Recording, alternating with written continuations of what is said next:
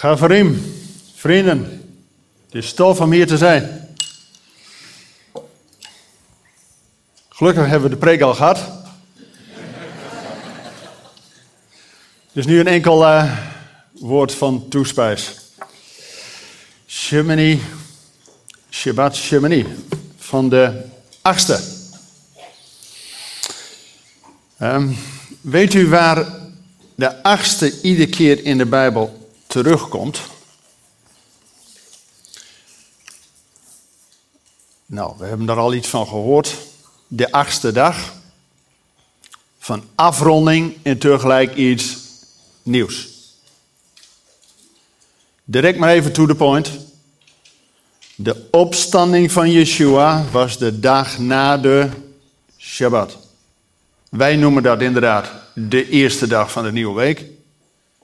Maar het was het feest der eerstelingen en tegelijk de achtste dag van een nieuwe indeling.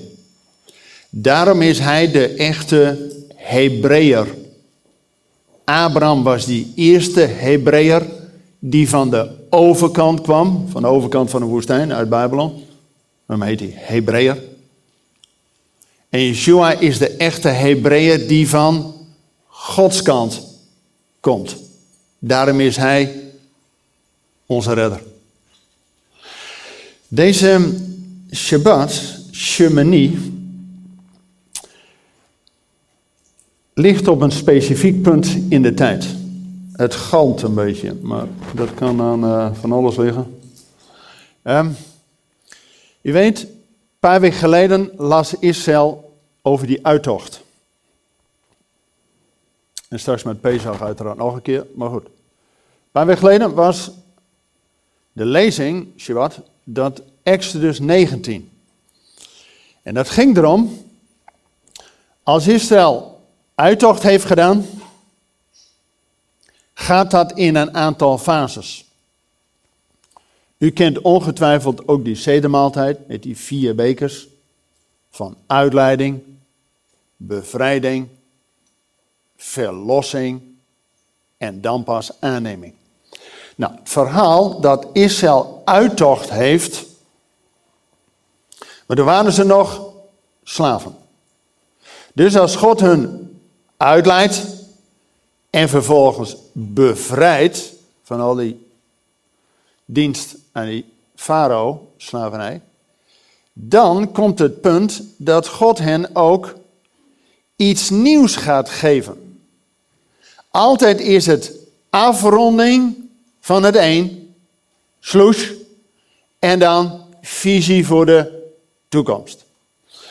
En dan geeft God in Exodus 19 heel duidelijk dat Mozes aan de Israëlieten zegt: Israël, u bent mijn uitverkoren volk. Een heilige natie.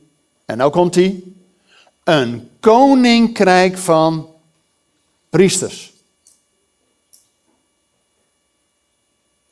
En dan wordt hier, dat gedeelte hebben we gelezen, op die achtste dag wordt Aaron als hoge priester gezalfd. En waarom heb je nou een hoge priester nodig als je al een volk van priesters hebt? Nou, het gaat bij God in een aantal trappen. Israël was uitgekozen, heilige natie, koninkrijk van priesters, om tot zegen te zijn voor de volkeren. Weet u, God heeft visie. Johannes 3, vers 16 geldt nog steeds. God heeft visie voor de wereld. En om die wereld te bereiken, zelfs met het evangelie, staat er in Galaten 3, om die wereld met het evangelie te bereiken, heeft God allereerst het evangelie aan Abraham gegeven. En als wij door het geloof in Yeshua, zijn wij ook kinderen van Abraham. Ja, niet van Mozes of van David, zijn kinderen van Abraham. Oké, hou hem vast. Maar om dat volk op die speciale plek te krijgen dat ze priesters en tot zegen zijn voor de volkeren. Het kan natuurlijk zijn dat het volk af en toe een andere kant op gaat. Daartoe heeft God die priesters weer apart gezet om tot zegen te zijn voor de, het volk. Zodat het volk weer gereinigd, geheiligd en weer in relatie met de eeuwige komt. En dan heeft God om die priesters en levieten, zeg maar, weer bij de les houden, die hoge priester. Dus het gaat God in een aantal stappen. Maar hij heeft visie om die wereld te bereiken. Oké, nu Shabbat Shemini, de achtste. Dan is Mozes, ja, Mozes, die heeft Aaron en zijn zonen een week lang apart gezet in de tent de samenkomst. Waar stond die tent van samenkomst? Enig idee? Buiten de legerplaats. Dat is heel opmerkelijk. Want je zou verwachten bij de inwijding van de hoge priester, dat is toch een beetje hè, het summum van, van alles. Dat zou je verwachten dat dat in de tabernakel zou gebeuren. Ja toch? Dat is toch het heiligdom? Precies in het centrum van de tabernakel stond in het centrum van al die stammen. De stammen waren in orde gerangeerd rond die tabernakel. Maar die tabernakel was er nog niet. Even terug, dat haal je niet uit Leviticus. Leviticus is het boek, is het centrum van de Torah. U kent die vijf boeken van de Torah. Genesis en Exodus en Leviticus en Numeri en Deuteronomium. Het is één Torah, maar wel vijf onderdelen. Centrum van de Torah is Leviticus 19, vers 18b. Gij zult uw naaste lief hebben als uzelf, want ik ben de Heer. Centrum van de Torah. Dus dat heb je over een paar weken. Alleen in Leviticus gaat het over hoe je nadert tot die eeuwige. Middels al die offers. Maar in het boek daarvoor, Exodus, staat wat meer het hele proces om tot het centrum te komen. En Exodus is natuurlijk het verhaal van de uittocht. En dan na die uittocht, Pesach, 50 dagen daarna is het.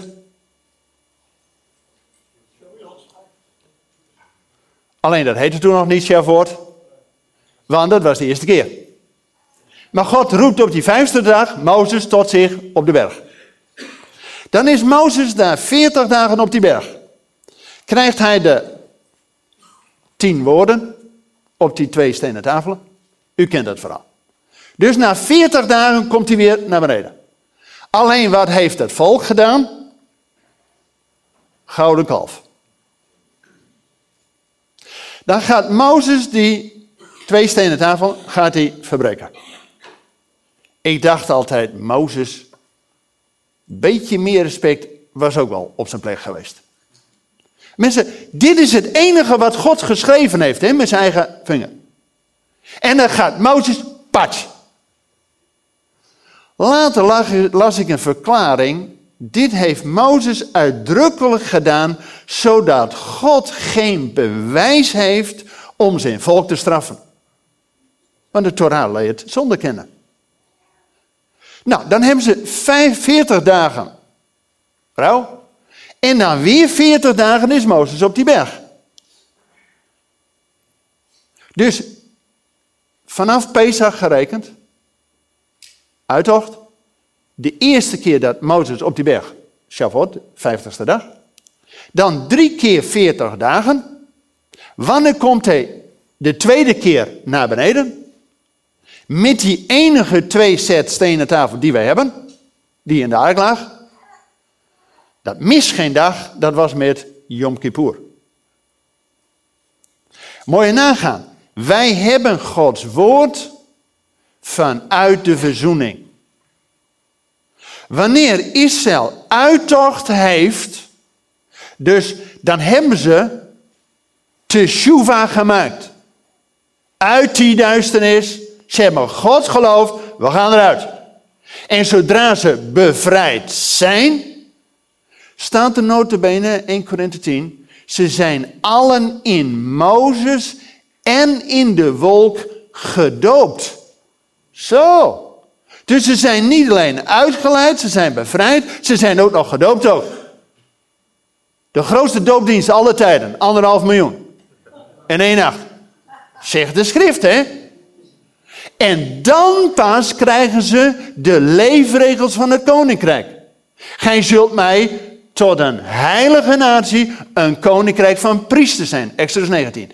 En dan pas Exodus 20, de tien woorden. Die wij als, ja, tien geboden. Maar u snapt, het is een huwelijkscontract. En de leefregels van het koninkrijk. Oké, dus wanneer je bevrijd, verlost, gedoopt bent, dan ben je geschikt om te snappen wat de leefregels van het koninkrijk. En dan gebeurt dus dit verhaal dat hij Aaron zeven dagen apart is.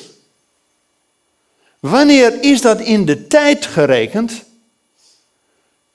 Nou, als we dus als Shavuot gehad hebben, die drie keer veertig dagen, dan bij Yom Kippur komt hij weer. Dan zeven dagen apart gezet. Hoogstwaarschijnlijk, staat er niet letterlijk in, hoogstwaarschijnlijk is dat Lof de West. En dan zie je ook dat die achtste dag is de Shemini Atzeret. Na Loofhuttenfeest, Sukkot, zeven dagen, dan is die achtste dag de Shemini de dag van de afsluiting en tegelijk een dag van het uitzegenen, nieuw begin. Die dag is misschien beter bekend als Shimcha Torah. Want dan wordt de Torah geëindigd met de zegen. Deuteronomium 33, zoals Habracha. Wat is het laatste woord van de Torah? Israël. Dat God met ons strijdt. En juist als die afgerond is, dan wordt die direct weer geopend met, ja, door de Gatan Torah. Dus de bruidegom van de Torah. En dat is ook precies hetzelfde moment als wat we gelezen hebben. Dat 1 Koningen 8, je had het ook met het gebed, dat met de inwijding van de tempel, dat was feest. Hebben ze zeven dagen feest en die achtste dag gaat die koning notabene, die helemaal geen priester was, Salomo, een koning, gaat het volk zegenen. En dan geeft hij hen ook alles mee, brood en vlees. Nou ja, had natuurlijk net zeven dagen lang 240.000 schapen geofferd. Dat kon hij in zijn eentje niet op. Het is leuk dat er een miljoen mensen bij zijn, dan kun je ook nog wat weggeven. Ja toch? Dus dan die achtste dag was. En dan is ook, want die feest, Feast of Tabernacles, het loofhuttenfeest, dat wordt ook in een loofhutje, in een tentje, buiten die samenkomst gedaan. En die zeven dagen zit je erin. En na zeven dagen zit die afhankelijkheid van de eeuwige in jou.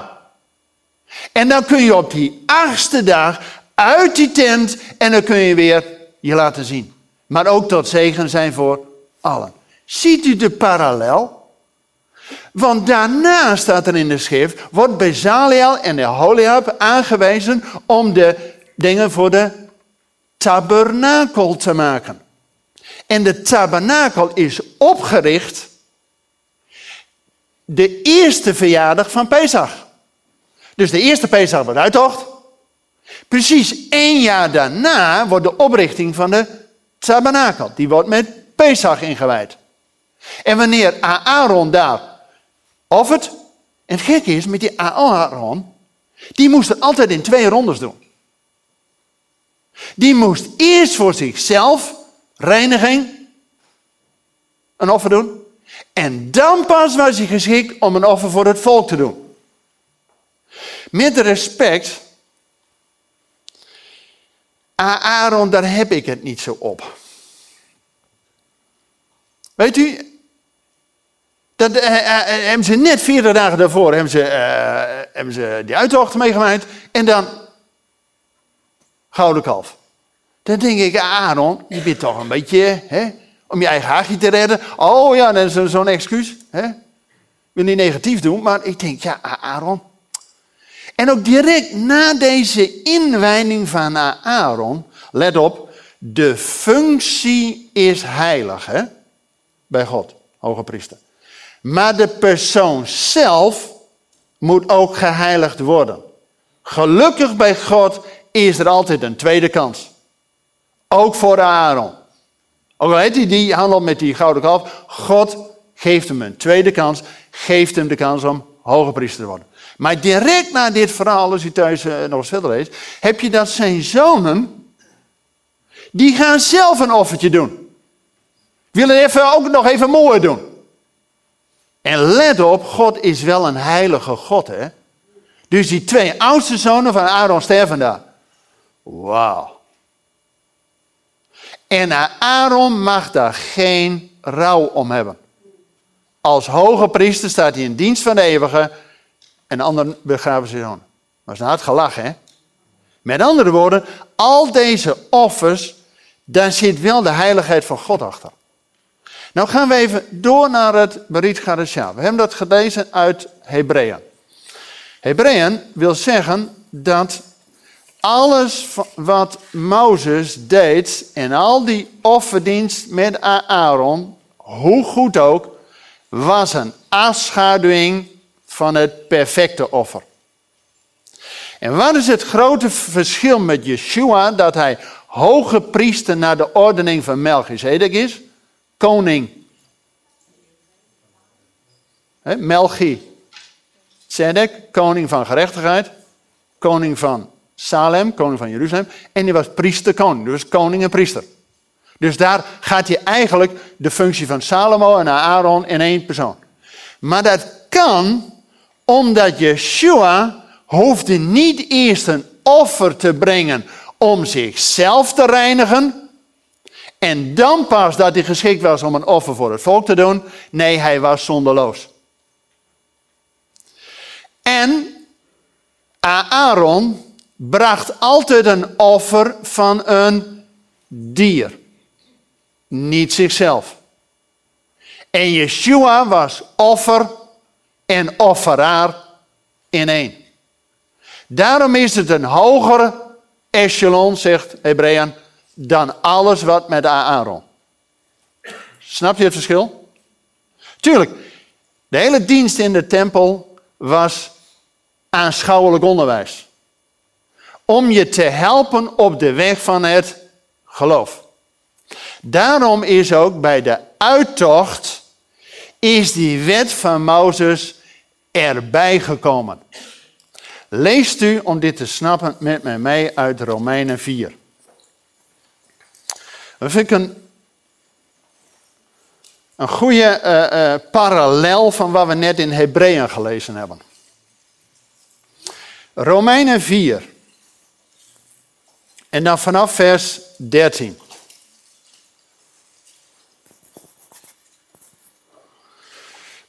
Romeinen.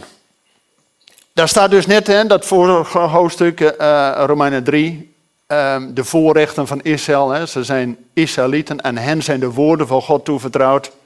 In Romeinen 9, van hen is de eredienst, de verbonden, uh, uit hen is de Messias. Hè. Dus dat is de context. Hè.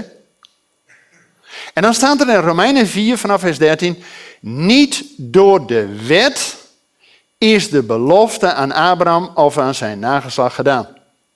Dat hij een erfgenaam van de wereld zou zijn, maar door de gerechtigheid van het geloof. Immers, als zij die uit de wet zijn, erfgenamen zijn, is het geloof zonder inhoud geworden. En is de belofte teniet gedaan. De wet brengt immers toorn teweeg. Want waar geen wet is, is ook geen overtreding. Daarom is het uit het geloof. Opdat het zou zijn naar genade, met als doel dat de belofte zeker zou zijn voor het hele nageslag. Niet voor dat wat uit de wet alleen is, maar ook voor dat wat uit het geloof van Abraham is, die een vader van ons allen is. Zoals geschreven staat, ik heb u tot een vader van vele volken gemaakt. Dit was hij tegenover hem in wie hij geloofd heeft, namelijk God die de doden levend maakt en de dingen die niet zijn roept alsof zij zijn. Betekent de belofte en het verbond van Abraham is fundamenteel. En Abraham geloofde God op zijn woord. En dat werd hem tot gerechtigheid gerekend. En dan is het volk 400 jaar in Egypte. En als ze die uittocht hebben, dan geeft God hun leefregels voor het koninkrijk. De Torah. Maar let op, de Torah maakt jou niet zalig. Het geloof in de eeuwige. Dus die wet van Mozes is hartstikke goed. Zijn leefregels om te snappen hoe het koninkrijk werkt. Maar dat lukt niet op eigen kracht. Daarom moest zelfs Aaron na zeven dagen die achtste dag. En die achtste dag verwijst niet alleen naar Shemchat Torah, maar ook met Pesach. Dan is de Shemini Atzeret, de afsluitende dag van Pesach, is Shavuot. Want zeven dagen Pesach, dan ligt daar zeven maal zeven, dat is de afsluiting van de volkomenheid, van de afsluiting van de afsluiting. En dan is er een extra achtste dag nodig, die dan tegelijk de vijftigste dag is, waar Gods geest zich verbindt met zijn Torah. Dus die Torah is prima, maar je hebt Gods geest als openbaring nodig om te weten hoe je moet handelen. In het Berit Gadasha staat dat we niet onder de wet van Mozes, maar onder de wet van Yeshua vallen. Gelaten 6. Laat die alles met elkaar te maken hebben, maar die wet van Mozes was nog aan de buitenkant. Maar die wet van die trooster, die die andere trooster op die achtste dag geeft, is dat je het in je hart hebt. Zodat je gedrag van binnenuit gereguleerd wordt van ja, als een kind van u ben, dan ga ik niet meer roddelen. En dan ga ik niet meer stelen. En dan ga ik niet meer liegen. En dan heb ik een beetje respect. Dus die wetten hebben natuurlijk alles met elkaar te maken. Maar het is een andere insteek dat het niet moet omdat het moet. Om, maar je doet het omdat je van binnenuit niet anders kunt en niet anders wilt. En daar is die achtste dag een verwijzing naar dat je afsluit het oude patroon en openstaat wat God wil geven. En dan gaan we als toepassing, we hebben Psalm 23 al gehad, zo geweldig, maar ik wil als toepassing naar Psalm 8. Want ja, Shabbat Shemini, de achtste, dat komt natuurlijk ook iedere keer in de schrift naar voren.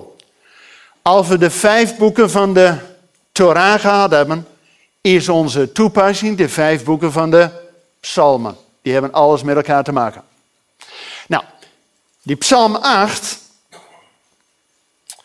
dat is dus ook psalm Shemini.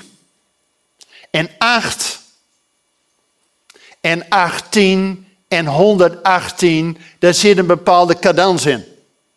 18 is de levenspsalm, Gai. Psalm 118 is het centrum van de Bijbel. Psalm 118, vers 8. 1188, heel makkelijk te onthouden. Het is beter op God te vertrouwen dan op mensen.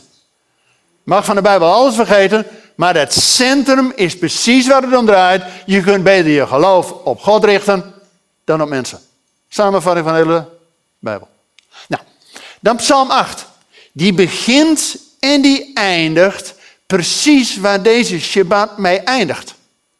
Want als Aaron zeven dagen in die tent heeft gezeten, buiten de legerkamp, uh, die achtste dag wordt hij weer zichtbaar, dan gaat hij het offer doen en dan gaat de heerlijkheid des Heren eerst die tent van samenkomst vullen. Een half jaar later, wanneer die tabernakel wordt ingewijd, en daar het offer wordt gedaan, dan is de heerlijkheid des Heeren in het centrum van de mispochen. Van de hele gemeente. Nou, Psalm 8 begint en eindigt met Heer, ja, daar staat Yahweh, hè? Onze Heer, hoe, ja, in deze vertaling, hoe machtig is uw naam? Nou, de, de, de oude MBG, die uh, sommigen nog kennen, daar staat, hoe heerlijk is uw naam. In het Hebreeuws, hoe kavod. Wanneer de zwaarte van God. Weet u, met die inwijding van die tempel. En ook in dit gedeelte wat we gelezen hebben vandaag. Als de heerlijkheid van God komt. Dan kunnen Mozes en Aaron en laten de priesters niet meer blijven staan vanwege de heerlijkheid des Heer. Daar ga je allemaal plat. Kijk, dat is nou aanbidding. Dat God met zijn heerlijkheid het overneemt. Nou, deze psalm, wat is uw naam aan het begin en het eind? Altijd als je in de Bijbel is leest, begin en eind, dat is het kader. Was ook al, wat je net vertelde over Psalm 23, hè, begin en eind. Wij rusten in de naam van de eeuwige. Nou, daar staat in deze psalm. En dan gaat hij verder. U die uw majesteit getoond hebt boven de hemel, uit de mond van kinderen en zuigelingen. Zo mooi hè, als je de kinderen eh, eerst hebt. Die gaan ons vaak voor. Hè? Toen Yeshua uh, uh, Jeruzalem binnenkwam, wie riep uh, Hosanna, de zoon van David? De kinderen, hè? Oké. Die voelen blijkbaar intuïtief iets waar wij met ons verstand hebben verdrongen. Hebt u een sterk fundament gelegd omwille van uw tegenstanders, om de vijand en wraakzierige te laten ophouden. Als ik uw hemel zie, het werk van uw vingers, de maan, de sterren, u die hun plaats gegeven hebt, wat is dan de mens dat u aan hem denkt? En het mensenkind dat u naar hem omziet? Dat is de centrale vraag. Weet u dat hier in het Hebreeuws niet staat mensenkind ben Adam? Maar dan zou je verwachten, hè, als letterlijke vertaling is, mensenkind, uh, zoon van Adam, hè, mensenkind, ben Adam. Nee, dat staat hier niet. Hier staat precies in het centrum, waar het dus precies het keerpunt is. Hier staat Maha Enos. Enos. En zegt u, nu is dat nou? Nou. Het begint allemaal met Adam en Eva, hè? Dat lukt nog wel. Ja. Help me even, dan weet ik het ook. Hè? Adam en Eva. Dan had je Abel. Maar ja, die werd door zijn broeren. En dan in plaats daarvan Seth. En dan komt Enos. Zegt u niks. Maar er staat in de schrift. Enos betekent zwakke mens. Staat in de schrift. In de tijd van Enos begon men de naam van God aan te roepen. Wanneer de mens doorheeft dat hij zwak is van zichzelf, dan heeft hij hulp van de eeuwige nodig. Dus hier staat, wat is dan die zwakke mens? Dat je nog überhaupt naar hem omkijkt. En daar staat, toch. Dit is een zeer sterk punt van de Nederlandse vertaling. Eigenlijk staat er hier nochtans. Dat, dat kent u misschien uit Habakkuk. al zou er niks meer zijn, en geen, uh, nochtans zal ik de Heer juichen, jubelen in de God van mijn heil. Dat woord wordt ook hier gebruikt. Ook al is het die zwakke mens die weet van zichzelf, dat wordt hem niet. Nochtans heeft God hem gekroond. Zie je, zelfs de heer Aaron, jongen, door de zonde maar God geeft hem weer een tweede kans.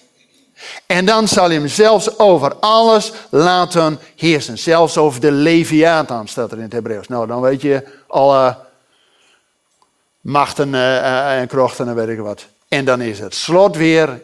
Ja, wij, onze Heer, hoe kavot is uw naam. Wij gaan buigen voor de naam van de eeuwige. En dat lukt alleen als je wilt erkennen dat je zwak bent van jezelf.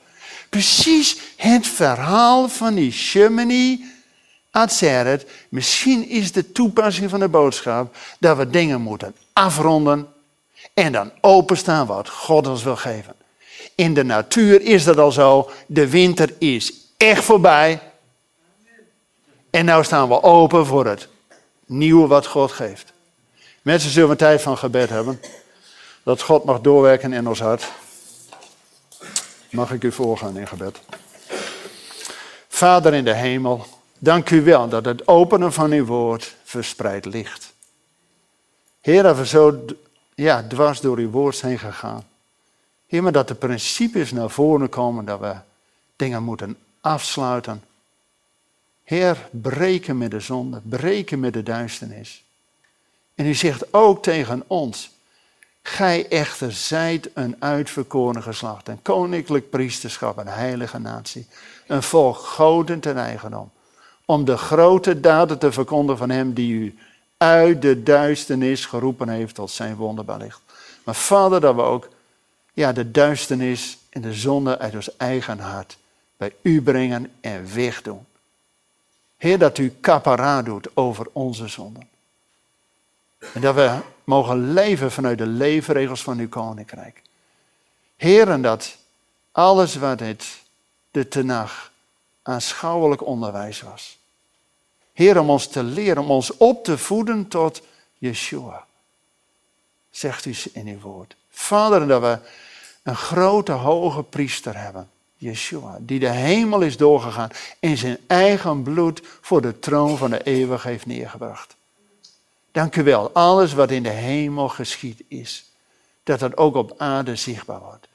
Dat we gereinigd, geheiligd en verzoende mensen zijn.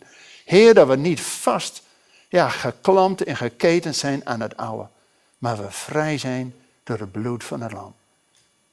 Heer, dat u ook door uw geest in ons hart werkt zodat we weten waarop het aankomt.